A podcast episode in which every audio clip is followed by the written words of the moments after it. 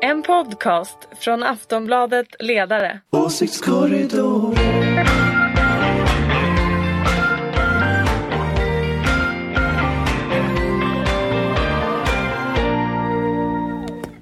Då så. Välkomna till Åsiktskorridoren, den första för den här hösten, som vi har längtat. Inte sant? Eh, här finns Ulrika Schenström, moderat. Absolut, och VD för tankesmedjan Fores. Den liberala sådana. Naturligtvis. Den liberala tankesmedjan Fores och gröna. Den är grön också, definitivt. Ja, ja tänka sig. Eh, Anders Lindberg, Ja, det är jag. ja, från Aftonbladets ledarredaktion. Och där finns också Jonna Sima. Ja, här är jag. Ja, där är du. Och här är jag, Ingvar Persson, som gör ett eh, inhopp som programledare. Jag ska förstås på alla sätt vara fullständigt, eh, fullständigt eh, rättvis och, och alldeles obunden i den här kommer gå rollen. strålande Ingvar. Eh, Strålande. Ja, intressant. intressant. Man, man är ju så. Annars är jag också på Aftonbladets ledarsida, som möjligen en del av den här poddens lyssnare vet.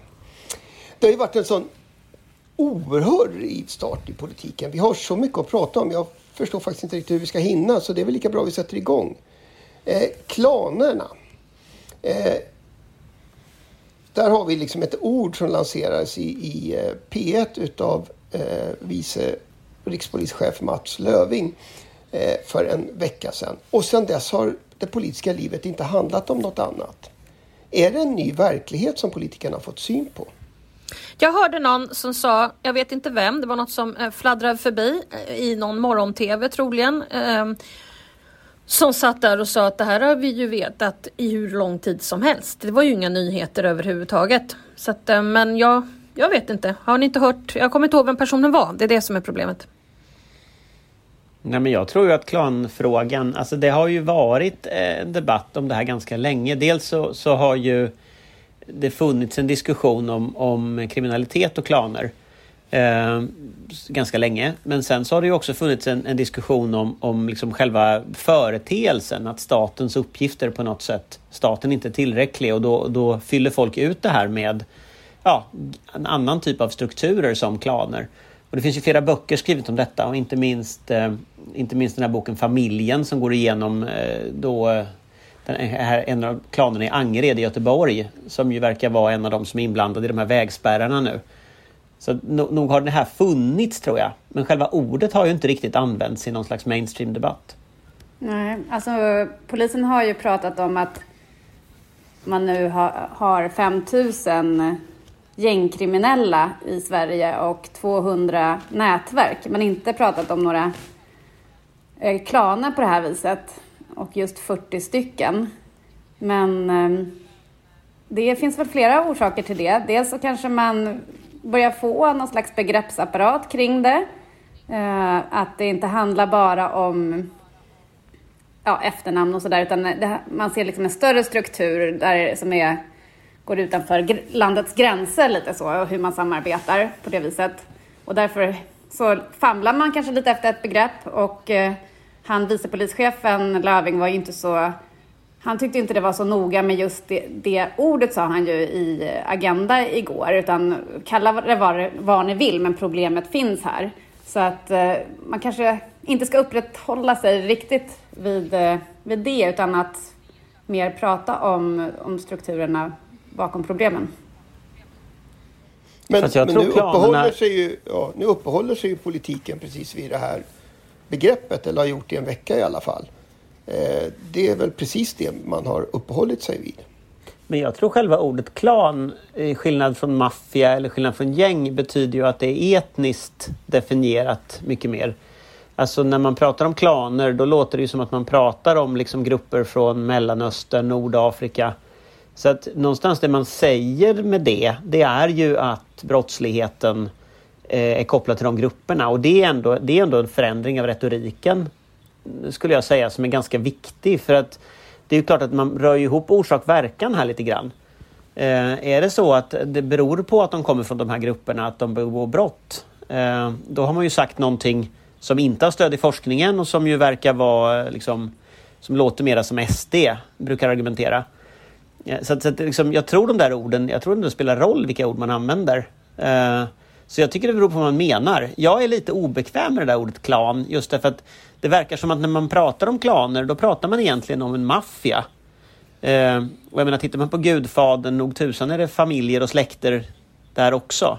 Jag skrev och det här begreppet en... familjen till exempel som, som används eh, i den här boken, det, det är ju ett, ett, annat begrepp. Liksom. Så jag vet inte, jag är lite obekväm med det. Jag skrev ju en ledare om det här i förra veckan på Aftonbladet, om att vänstern måste våga prata om eh, också om klaner eller vad det nu är, i alla fall om den här eh, kriminaliteten med familje eller släktbaserade relationer som ju Johanna Bäckström Lärneby skriver om i familjen och som även var en lång artikelserie i Aftonbladet. Eh, för att inte begå samma misstag som man gjorde kanske med hedersvåldsdebatten, i alla fall inom Vänsterpartiet, att man inte riktigt vågade tala om eh, problemen eh, för, med rädsla för att kanske stämplas som rasistisk. Och eh, efter den artikeln som jag skrev så fick jag ju mycket riktigt också kritik från vänster. Så att det är, det är inte ett helt enkelt begrepp. Och sen ska man veta också att polisen kanske använder det för att, ja, för att tala sin sak. Alltså de har ju inte kommit, eh, vad ska man säga, fått bukt med det här eh, skjutvåldet och sådär, utan det har ju snarare ökat under året trots alla insatser som har gjorts. Så att de har ju också en anledning att kanske förklara varför de inte riktigt har lyckats att minska våldet. Och då peka ut så här, det är faktiskt mycket mer komplicerat än vad ni i, där ute förstår. Ja, men det om sakfrågan då. Eh, vem tjänar på att den här diskussionen dyker upp nu? I politiken? Ja, men det hörde vi ju Anders säga och det håller jag med om. Det är ju fel fel grupper som vinner på det. Men det, men det är ju självklart. Det är därför det är så olyckligt att det kommer ut på det där sättet. Eh, och att, att det blir så här. Och att debatten handlar om då någonting som... Eh, ja, det blir ju smått rasistiskt. Ja men där är ju, där tycker jag problemet, ja. nej men där tycker jag det finns ett dilemma hela tiden. I, alltså om de nu finns så måste man ju kunna prata om dem. Absolut. Och det här är ju liksom, ett, det, det, tycker jag är ett problem när, när, när man liksom, för orden blir ju så viktiga i det här fallet då. Eh, och, och, just om man använder ordet klan och gör den här etniska kopplingen, då har man liksom, då kommer en massa lösningar på, på, på köpet så att säga. Då blir det så här stäng gränsen och, och, och sånt som, som kommer upp som lösningar. Men, men att granskar man det här lite grann så tror jag att Mats Löving har säkert rätt i det här med att det finns klaner som begår brott. Men däremot så tror jag inte han har rätt när han påstår att det här är människor som bara har kommit till Sverige för att begå brott. För han påstod ju flera saker i den här intervjun. Eh, och, och, vad grundar jag det på då? Jo, tittar vi på de som blir dömda och de som uppenbarligen begår de här brotten så är det ju personer som är födda i Sverige ofta. Det är personer som har varit här väldigt länge. Eh, det verkar inte stämma att det här är grupper som nu har kommit på en gång och sen begår brott utan det verkar vara så att säga ganska långa, eh, långa tidsserier.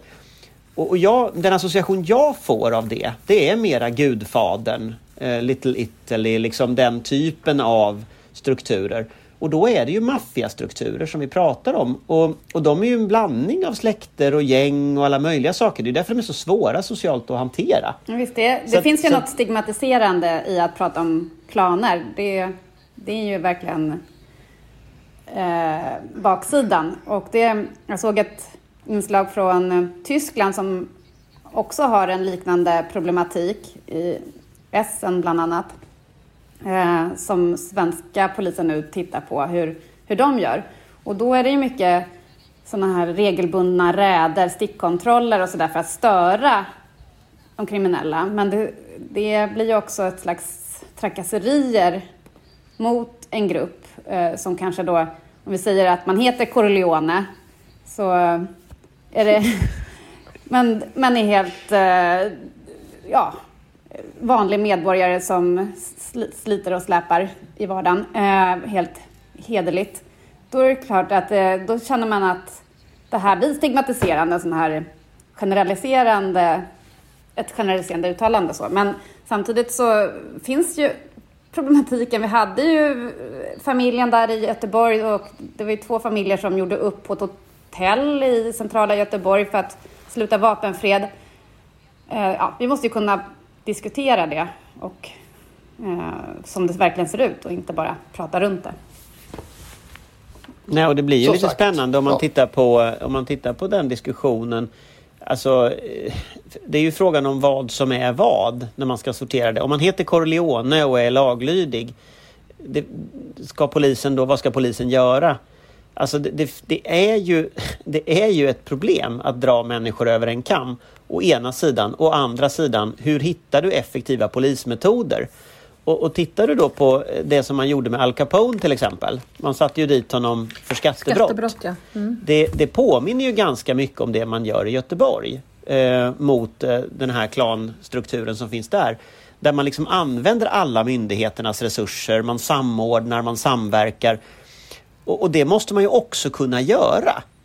Så, så att jag, tycker det är, en- jag tycker det är en ganska svår gränsdragning här. Liksom.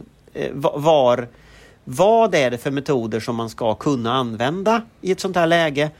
Och hur undviker man att det drabbar då oskyldiga? Eh, om man tittar på danskarnas sån här gänglagstiftning så den är ju ganska generell. Där finns ju så här visitationszoner till exempel. Eh, där man då visiterar människor inom ett visst område.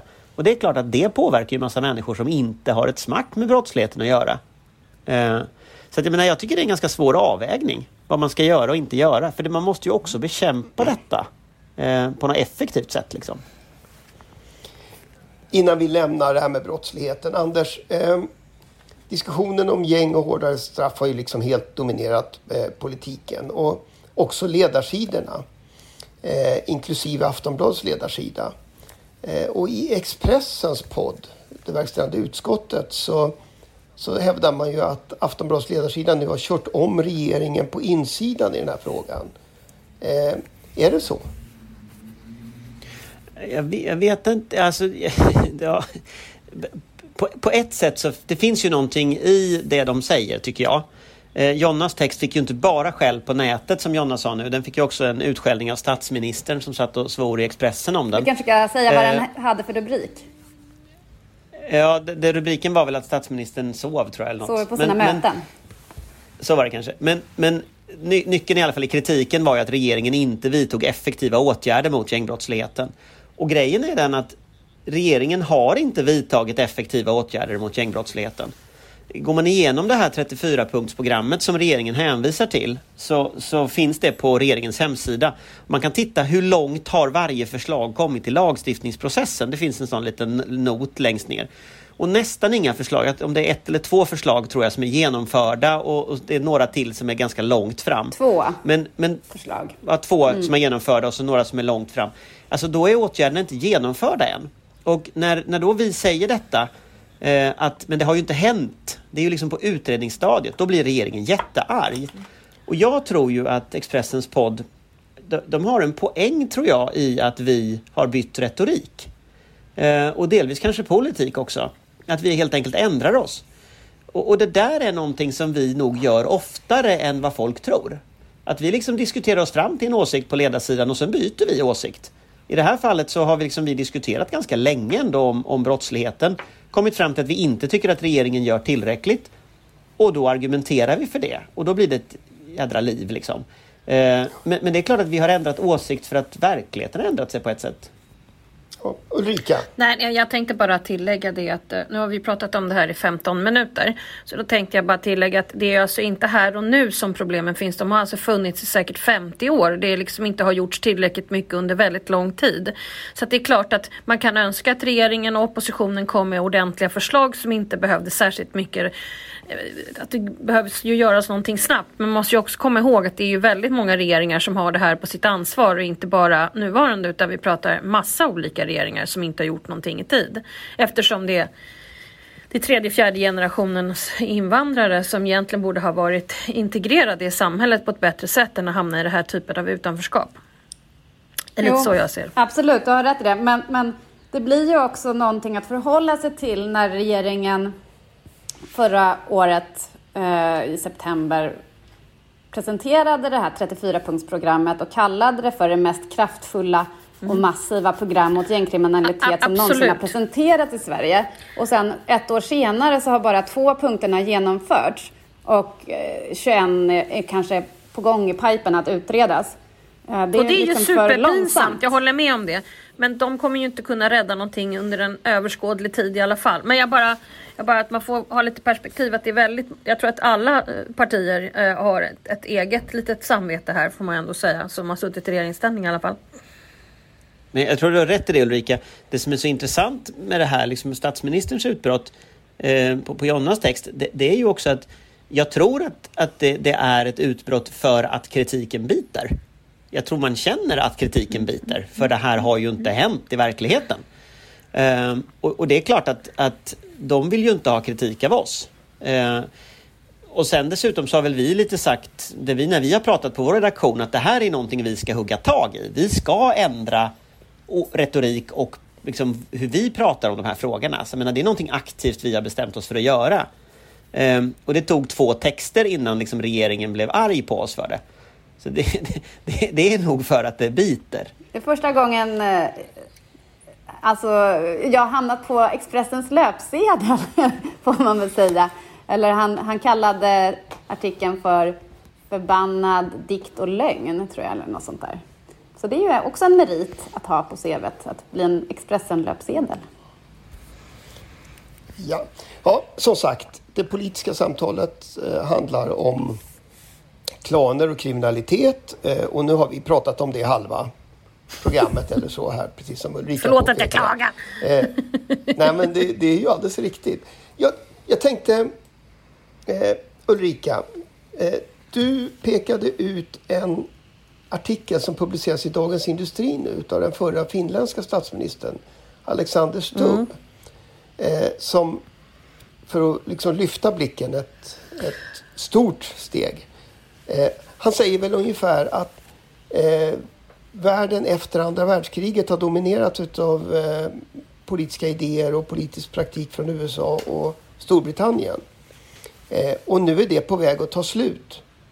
Eh, därför Eller man kan ju att, vara väldigt eh, orolig för det med tanke på Trump och det som händer med Brexit och Storbritannien och att den liberala världsordning som har existerat på något sätt håller på att eh, bli auktoritär och jag tror att väldigt många som har växt upp i någon slags liberal bakgrund tycker att det är så konstigt att väldigt många av våra kompisar helt plötsligt har blivit auktoritära. Det är den där jag tycker är rätt intressant, att det har blivit så. Har de egentligen inte varit liberaler? Har de egentligen inte, har de bara varit emot Socialdemokraterna tänker jag? Och att man, eftersom Socialdemokraterna under så lång tid har suttit i regeringsställning och att man kanske egentligen inte alls eh, är intresserad av det eller så är det folk som diskuterar att det är äganderätten som är problemet och när folk sen liksom börjar äga själva då blir man protektionistisk och sådär va. Jag, jag skulle vilja höra ledarsidans syn på det här. Jag tycker det är en väldigt, väldigt spännande tanke och det är väldigt många som lyfter upp den här. Eh, Jag själv brukat lyfta upp den eh, för att liksom få den här polariseringen handlar nog egentligen om, om världsordningen framöver och att det, det kanske är den stora frågan egentligen. Men du tänker att den slår igenom i Sverige också? Ja, precis. Eh, och att det där egentligen, vägvalet är egentligen vad det där handlar om. Ehm, så att, eh, ja, och sen så Sen finns det ju många som har skrivit om det här också. Jag menar, Ann Applebaum skrev om detta, Johan Norberg, ja, det finns ju massor som har skrivit om detta. Ehm, men jag tycker det är en intressant eh, spaning. Är det, är, det, är det riktigt att tänka att helgens stora eh, samtalsämne, alltså huruvida Jimmy Åkesson är en lämplig justitieminister, eh, också har med det här att göra? Nej, men jag, Ja, tror att det- jag tror att det ligger väldigt mycket i det du säger, att det här är den nya konfliktlinjen. Och jag tror att det, jag läste Ann Applebaum innan om liksom samma, samma tema. Att det finns någonting genuint konstigt i liberaler som blir konservativa, som blir antidemokrater. Orban-människor liksom. Orban-människorna så att säga. Mm. Som, som ju någonstans ändå var en liberal, någon slags liberal tradition. Och I Sverige så har vi det här fenomenet inom ditt parti eh, faktiskt. Som ju är väldigt intressant att människor som man ändå kände för ett antal år sedan som väldigt, liksom, väldigt liberala till och med.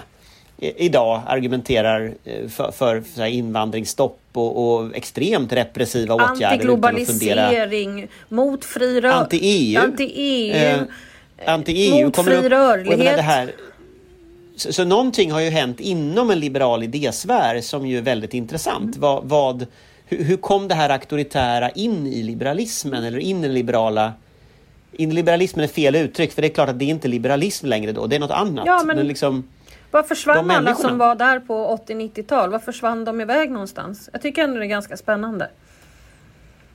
Det finns ju en jämförelse i USA också med alla som var mot Trump så sent som för fyra år sedan som nu försvarar honom. Ehm, så jag menar, det fin jag, jag undrar om inte det här viljan till makt, det finns en viss lockelse i makten som gör att folk ändrar sina värderingar. Så egentligen borde vi dela ut försten på stan så alla läser den istället. Machiavellis försten så alla får ett litet perspektiv till sina eventuellt blivande taburetter. Ja, nej, men jag kan göra populist, eh, jag kan, jag kan, kan göra ett litet så här liksom, populärvetenskaplig försten så att folk förstår att man är, alltså inte är samma sak som den taburett man vill bli. Alltså. En lätt uppmoderniserad värld. Den som sitter inne på svaret om varför världen har blivit så polariserad, den kan ju eh, göra många eh, lukrativa föreläsningar. Men det, det, svaret är väl olika också beroende på vem du frågar. Alltså, jag tror inte kanske Ulrika delar eh, ledarsidans analys som handlar om ja, men, att det är nyliberalismens konsekvenser med ja, ökade klassklyftor och liksom samhällen som dras isär. Eh, och eh, alltså vi har ju haft stora folkvandringar, alltså flyktingkriser, som gör att eh, demografin i länder eh, görs om och som i Sverige att vi får en ska man säga, etnifierad underklass. Eh, de som tidigare var arbetarklass i Sverige är nu mer ja, men, invandrare som inte har direkt någon utbildning och väldiga, ja, lite tillgångar om man säger så. Eh, och att, ja, men att det, det förändrar samhällena i grunden.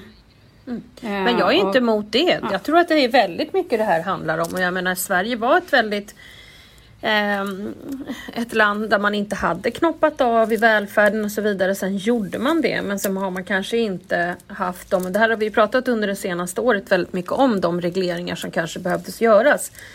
Och inte bara fastna i vinster i välfärden. Så att jag är inte emot eh, att det finns massor med saker det här beror på. Och det är klart att det gör det. Men man har inte varit tillräckligt eh, ansvarsfull som har kanske reglerat vissa eh, företag eh, som ändå är skattefinansierande från början. Till exempel hur ledningsgrupper ska se ut, hur, hur styrelser bör, bör ha, att vissa personer i en styrelse bör ha adekvat utbildning och så vidare och de som jobbar och sådär. Och, och vi pratade väldigt länge i ett avsnitt också om, om just eh, äldreboenden som ju säkert kommer att diskuteras i all evinnerlighet efter att det här är över. Eh, där, där man tittar på, ja absolut, men framförallt där den svenska modellen, oavsett om det är privat eller kommunalt, inte har någon, någon, någon eh, vård. Som i det norska exemplet där man ändå har vården inbyggd i äldreomsorgen. Så det finns ju väldigt många bitar att titta på här som naturligtvis är det som har gjort att det har blivit så. Men det intressanta vore ju att se vilka strömningar och hur det har blivit så som är likt andra länder. För Sverige är ju ändå ganska olikt många andra länder i den här frågan. Så att jag, jag, jag, jag tänkte i alla fall lägga den här hösten på, på fundera lite kring det här och vända och vrida på saker och varför ja, utan det har blivit så här. Att jag men, kan men alltså en sak... Ja, okay. men, utan att jag kan tillräckligt. Men visst kan man i dessa tider bli nostalgisk över den gamla världsordningen och sakna liksom, USAs polis, världspolisroll, alltså som det vi ser nu i Belarus. Så, så, så tänker man ju, varför går ingen bara in här och markerar brutalt mot de här övergreppen på, på belarusierna. Eh, och det kommer ju inte hända, det verkar det som, från USA. Nej, det kommer inte hända. Och jag undrar... Ja, någon, någon, någon, någon, någon skulle kanske säga att det var precis det man gjorde i Sydvietnam och det gick ju inte bra heller. Eh, Men får jag bara ta upp frågan, där, för jag, jag tycker den, den här frågan om varför liksom varför nationalismen kommer tillbaka. Jag, jag gjorde ju, innan den här coronagrejset var så att man inte kunde resa någonstans, så reste vi ju en del i Östeuropa. Just därför att en av de teserna som, som vi har är ju att det här kommer från öst till väst. Alltså det här är en någon slags ryskt fenomen som sen blir ett östeuropeiskt fenomen som nu blir ett västligt fenomen. Och om vi går tillbaka 20-30 år så gick liksom vindarna åt andra hållet. De gick med demokrati, marknadsekonomi väst till öst. Nu går de öst till väst och då är det nationalism eh, och, och en annan typ av identiteter som man har. Och, en, en av de sakerna som jag eh, tog med mig från en, en ett möte i, i Prag faktiskt som var eh, tidningar som vi träffade där.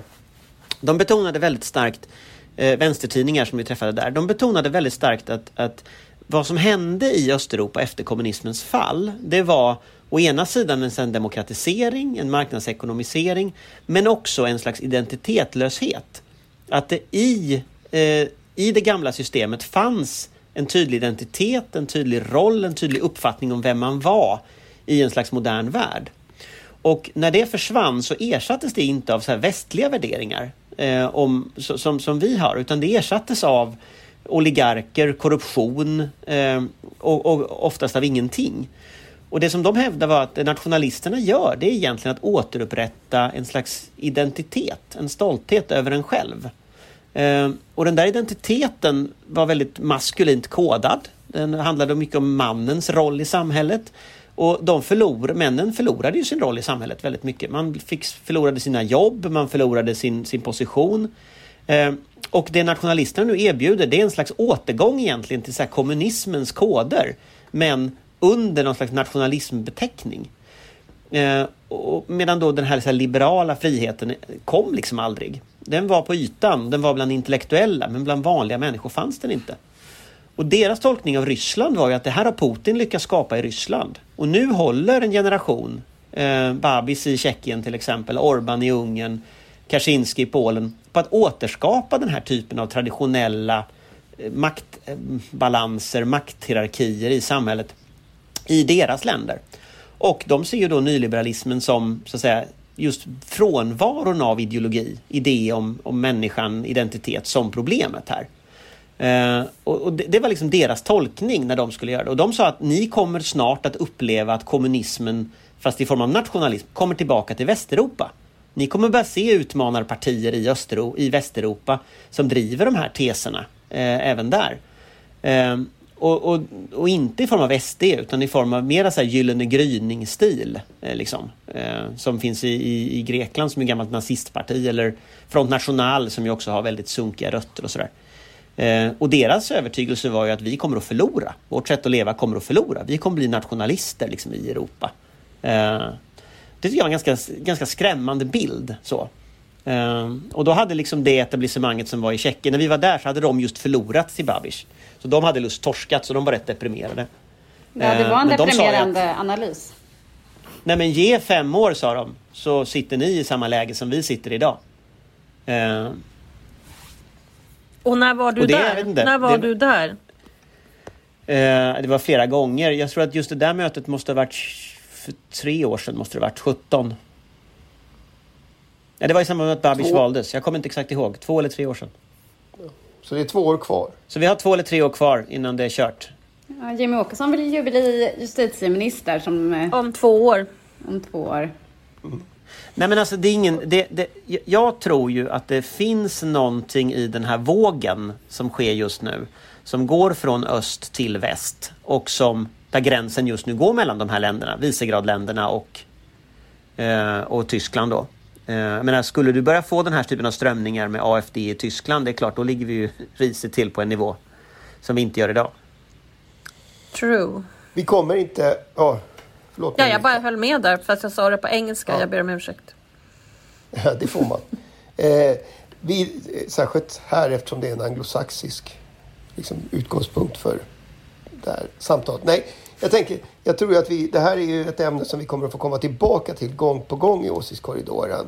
Eh, det finns ju också ett spännande tema i det Ulrika inledde med och det är ju hur, hur konsistenta är egentligen politikers och människors åsikter. Alltså, eh, vad, hur, hur mycket driver personer och politiska rörelser med tidens trender? Men jag är rädd att det är ett för stort ämne för att Men får jag säga en sak om det bara? På, Jag tror ju att Moderaterna, jag tror att det är i Moderaterna den här striden står i Sverige.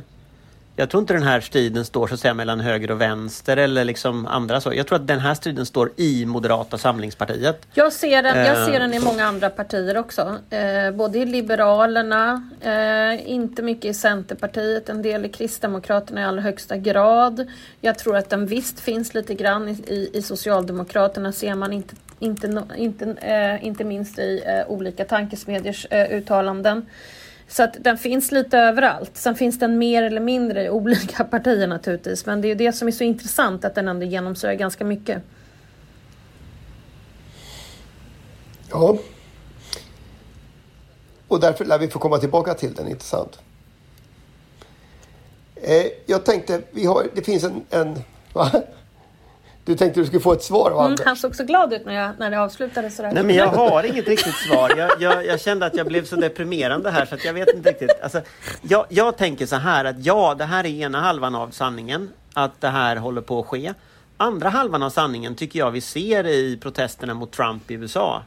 Det ser faktiskt ut som att Trump kan förlora. Om han förlorar i höst, det är faktiskt bara ett par månader kvar eh, till valet. Eh, det är klart att då vänder ju det här. Men jag menar, fortsätter det fyra år med Trump, då kommer ju naturligtvis, det kommer inte bli så kul. Men det finns ju också en positiv trend i det som ju är att det kan ju vända Mm. alltihop. Det kan ju göra det. Jag har svårt att tro det, men ja. Mm. Jag ska säga som det är. På dagordningen hade jag också klimatet. Precis idag presenterar ju regeringen en stor satsning på 10 miljarder. En stor satsning. En satsning på 10 miljarder. Om det är stort eller inte återstår väl att, att diskutera. Jag tänker att vi kanske återkommer till den där frågan eh, vid ett senare tillfälle. Jag vill nämligen hinna med en sista fråga lite här eftersom jag, jag ju arbetar från Dalarna och här har ju hänt någonting som direkt berör åsiktskorridoren eller ett klassiskt ämne i åsiktskorridoren. Peter Hultqvist Hulta bulta. som i veckan förlorade omröstningen om eh, ordförandeskapet i Borlänge arbetarkommun till den tidigare Aftonbladet-medarbetaren och med mera, med mera Erik Nises. Eh, och då tänkte jag, då måste jag fråga Ulrika och Anders som liksom har gjort bedömningar. Eh, är, det, är det tjänstefel att ställa upp i en sån omröstning och förlora den? Han, kanske Det är trodde att han skulle tjänstefel att vinna den. förlora den. Vänta, om vi, vi börjar Ja, men med han kanske trodde att han skulle vinna den. Eller också så har han liksom lagt av sig lite och kan inte räkna till 51 längre. Du vet, maktpolitiker som får annat att göra, det kan ju vara så att han har slutat kunna räkna till 51. Anders? Nej, jag håller med. Alltså nyckelförmågan för varje ungdomsklubbist, det är att kunna räkna mandat. Eh, och kan man inte räkna mandat på en, en, ett arbetarkommunmöte, då, då är det klart att då, då, då ligger man ju risigt till. Så är det ju.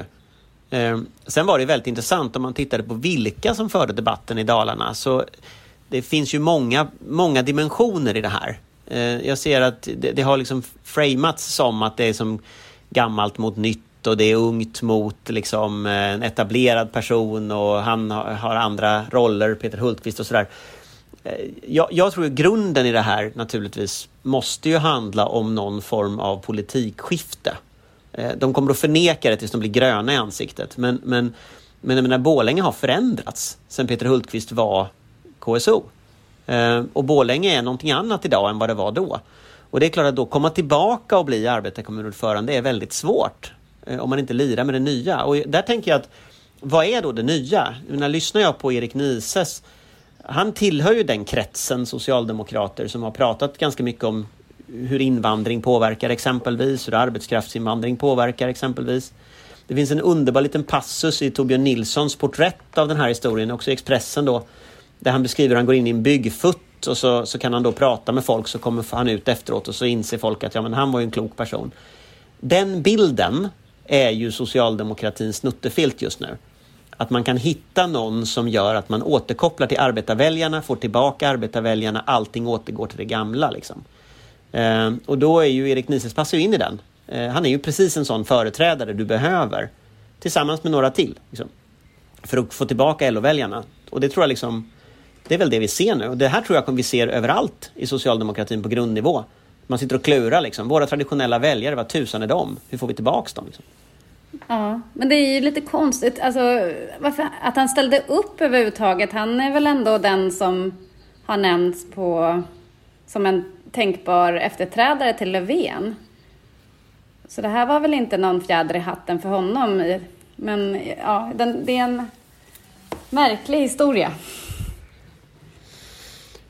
Jag tror faktiskt att vi kommer att se fler exempel på samma sak. Inte att det blir liksom statsråd som ställer upp i val, men däremot att grundorganisationen i Socialdemokraterna nu är under stark förändring. Och konstigt vore det väl annars?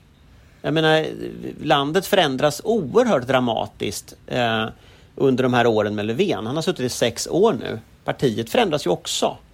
Jag tror det här är ett exempel på vi ser det här är början till Socialdemokratiska partiet efter Stefan Löfven, tror jag, som vi ser i, i Borlänge. Och jag måste bara få lägga in också att jag tycker att även om, om du säger att det framas som ett eh, att gammal mot nytt sådär, så är det väl på tiden också att eh, den diskussionen förs inom socialdemokratin att man behöver föryngras och särskilt på framträdande positioner eh, i regeringen, de som har varit unga till exempel ministrar har ju avgått av olika skäl i och för sig då. Men eh, man har inte plockat in några nya från till exempel 80-talistgenerationen.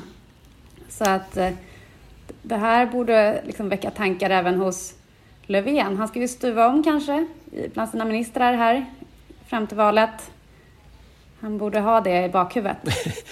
det, om, om, du säger att det ska väcka tankar hos Löfven, då tänker jag så här, ja, det fördes ju rätt mycket snack för ett år sedan om att sitter Löfven kvar 2022. Mm.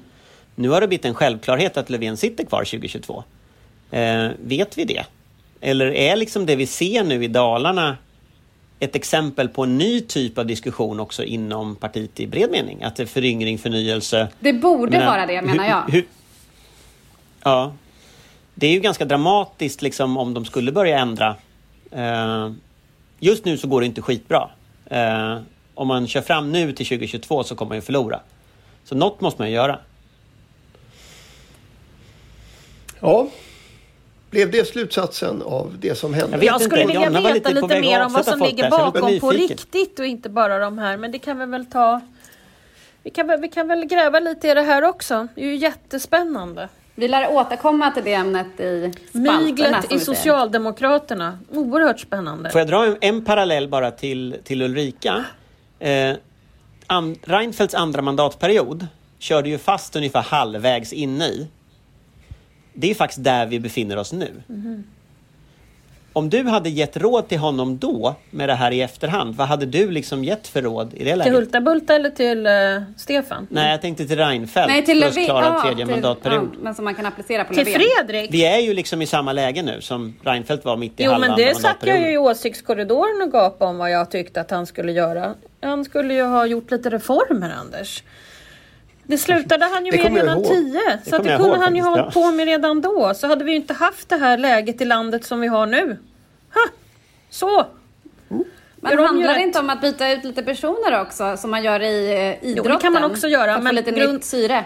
Men jag tror mer, mer, mer innehåll och sen naturligtvis lite managementförändringar också. Men alla ledare är lite olika. Och jag skulle ju föreslå mera av Göran Persson i ledarskapet. Att det, kanske inte var jättekul att vara den som åkte ut men eh, man kan alltså inte dö på sin post och alla är inte bäst på sin post hela tiden utan kanske måste ja, i ert fall börja jobba på ABF en stund eller på någon ledarsida och sen komma tillbaka som statssekreterare på något annat departement. Jag bara säger att det är bra ibland att spela runt folk så att de är pigga och glada på sitt jobb. Mm. Nu är vi tillbaka. Nu, nu börjar man känna igen åsiktskorridoren på allvar. Och Rika ropar på reformer och, och eh, liksom, eh, Löfven borde bli mer som Göran Persson tycker jag var ja. intressant. Jag fick prata om Göran också. Mm. Det, blir, det blir inte bättre än så här. Jag, jag vill tacka så hemskt mycket för det här första åsiktskorridoren eh, för, för i höst. Och som sagt, om någon har tvekat att det finns ämnen och åsikter att eh, liksom jobba vidare med. Eh, då är den tvekan borta. Eh, vi kommer tillbaka och som sagt Tack så mycket Ulrika, Anders och Jonna. Tack Ingvar.